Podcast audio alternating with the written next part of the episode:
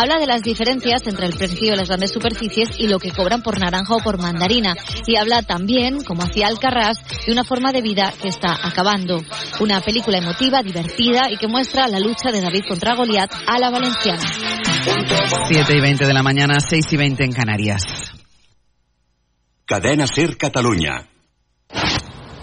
Allà on vagis, Ser Catalunya t'acompanya.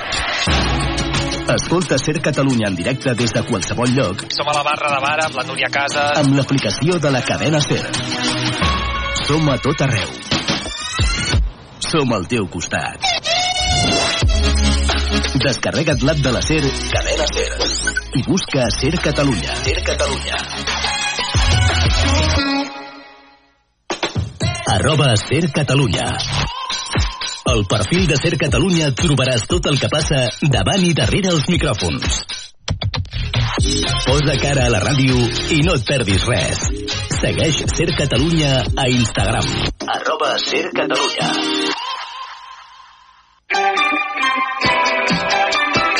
Ser Catalunya. La força de la conversa.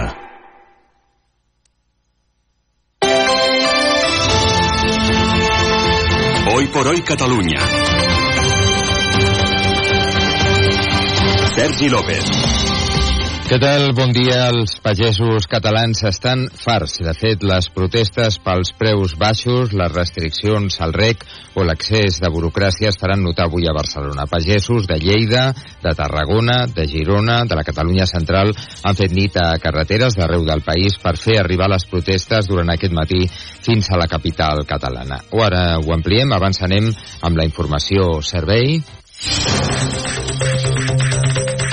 Avui, en primer lloc, la informació viària per conèixer quina és l'última hora en un matí que es preveu complicat a les carreteres catalanes. Àlex Huguet, com estan les coses? Bon dia. Molt bon dia. Continuen els talls en totes les vies que es van ocupar ahir al matí a la C16 Sallent i Sant Fruitós del Bages, la C17 a Gurb, la P7 a l'Aldea o diferents punts de la demarcació de Lleida, especialment l'A2 a Golmés i Belllloc d'Urgell, o també a Tarragona el tram de la P2 a Montblanc a aquesta hora, però aquests talls s'ajunten també amb algunes mobilitzacions que afecten sobretot la P7, per exemple l'Ampolla cap a València amb el desviament per la sortida 39, el tram de Bàscara es desvien per la sortida 5 i a Sant Julià de Ramis per la sortida 6. A banda d'això, destaquem un accident també a la P7, el tram de Massanet de la Selva cap a Girona, de moment amb un carril tallat i per ara retencions habituals a les rondes de Barcelona en sentit Llobregat. És tot des del RAC. Molt bon dia. Bon dia, gràcies, Àlex. Anem ara amb el temps.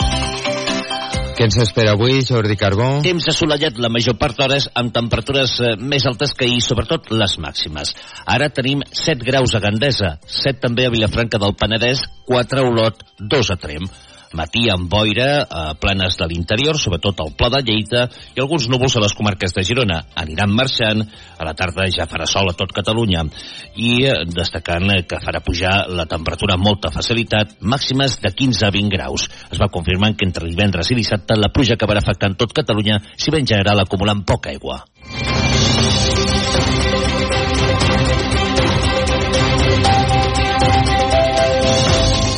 Carles Couso, bon dia. Hola, bon dia, Sergi. Els pagesos de Lleida, de Tarragona, de Girona i de la Catalunya Central traslladen avui les protestes a la capital, a Barcelona, després d'haver fet nit a les carreteres. Tota la nit, equiparats, i a les 7, direcció Barcelona, fins a la Diagonal de Barcelona.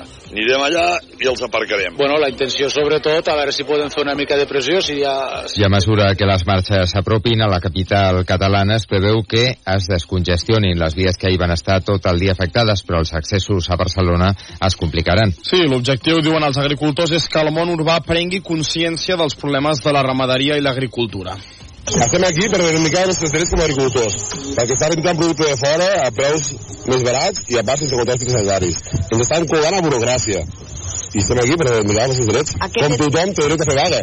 Ho fan els mestres, ho fan els, els metges, i nosaltres també podem fer vaga. Els pagesos reivindiquen que les condicions actuals no poden viure de la terra, sobretot per la competència que tenen d'altres països fora d'Europa.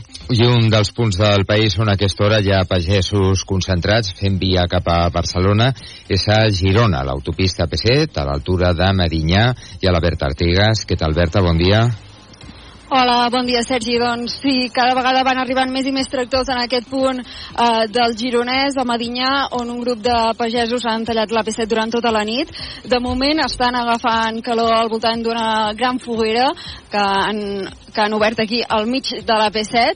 Eh, estava previst que sortissin a les 7, en tot cas no van puntuals. Preveuen que uns 150 tractors sortin d'aquest punt i que alguns més s'hi afegeixin una mica més endavant a Massanet a mesura que avancin cap a aquesta marxa lenta que els ha de portar per l'AP7 fins a Barcelona. Gràcies, Berta. Per tant, amb 25 minuts de retard, de moment, en la sortida d'aquest punt concret dels tractoristes cap a Barcelona. I el president de la Generalitat, Pere Aragonès, rebrà aquesta tarda alguns dels representants de la pagesia. Sí, el govern català assegura que dona suport a les seves reivindicacions i en aquest context del govern central, a través del Ministeri d'Agricultura, anunciava que destinarà gairebé 13 milions d'euros a 10.700 agricultors catalans de cultiu de secà, arròs i tomàquet per a la indústria per així compensar els efectes de la sequera i la guerra d'Ucraïna.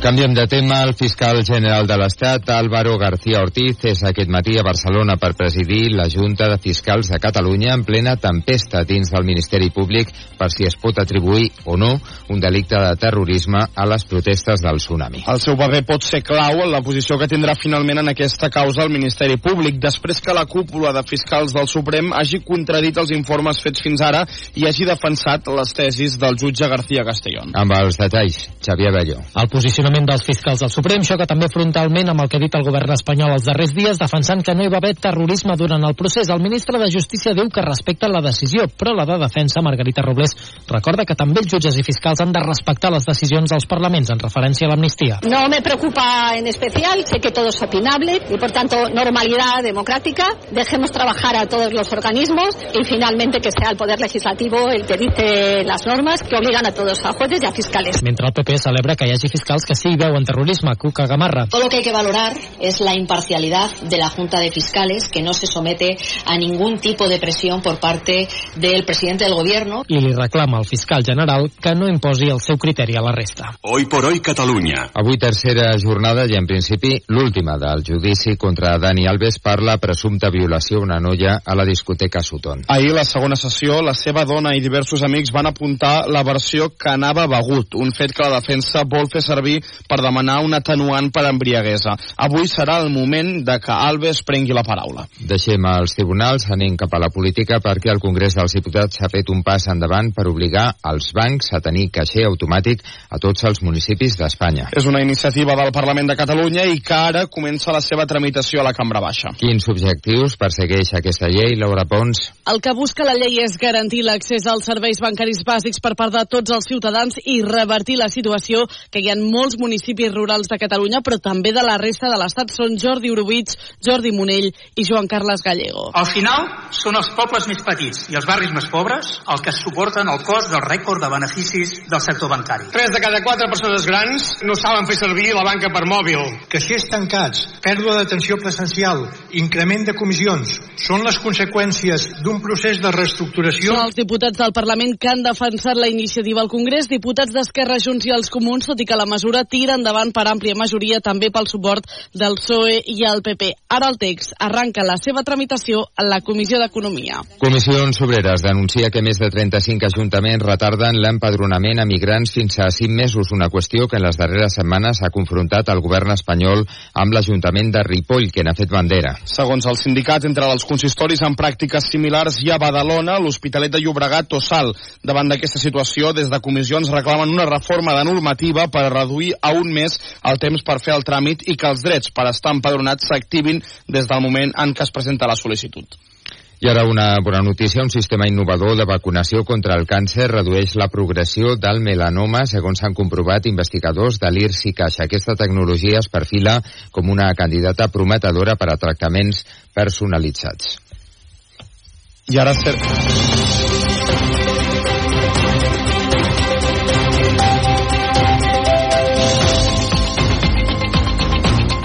I anem abans d'arribar a dos quarts de vuit a una última hora que ens arriba des de Badalona, crec que males notícies. Sí, es confirmen els pitjors presagis. Els bombers troben els cadàvers de les tres persones que buscaven a les runes de l'edifici esfondrat ahir a Badalona. És una notícia que hem pogut confirmar des de la SER.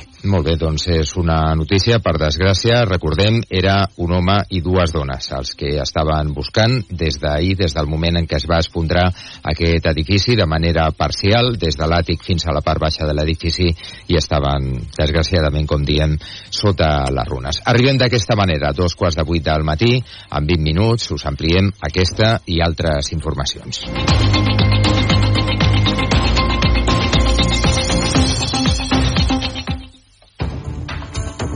Son las siete y media, las seis y media en Canarias. Hoy por hoy, con Ángeles Barceló. Desde ayer el mapa de las carreteras es el mapa de las protestas porque sirve para saber en qué puntos están movilizándose grupos de agricultores en convocatorias que en muchos casos no han sido comunicadas. Una de las protestas que sí se espera es la que hoy protagonizan los agricultores catalanes que tienen previsto confluir con sus tractores en Barcelona. Y de las protestas del campo se hablará seguro esta mañana en la sesión de control al gobierno y también en el Pleno Europeo que se celebra en Estrasburgo. En Europa donde vimos surgir este malestar del campo y es de Europa de donde ha llegado la primera respuesta con el freno a la llamada Agenda Verde. Eso es lo que destacan hoy los principales periódicos. Ahora luego lo repasaremos. Bruselas cede, dicen hoy El País y La Vanguardia. Bruselas da un paso atrás para calmar las protestas, titula El Mundo. Bruselas obligada a calmar los ánimos, escribe la Parisien. El Observer cree que es un regalo electoral para los agricultores y el Corriere en Italia resume, estopa los pesticidas, von der Leyen recula y dice que hay que escuchar a los agricultores. Es miércoles, es 7 de febrero. Y además de las protestas en el campo, estas son las otras noticias de la mañana. La Guardia Civil sigue buscando a un hombre que presuntamente ha asesinado a su mujer a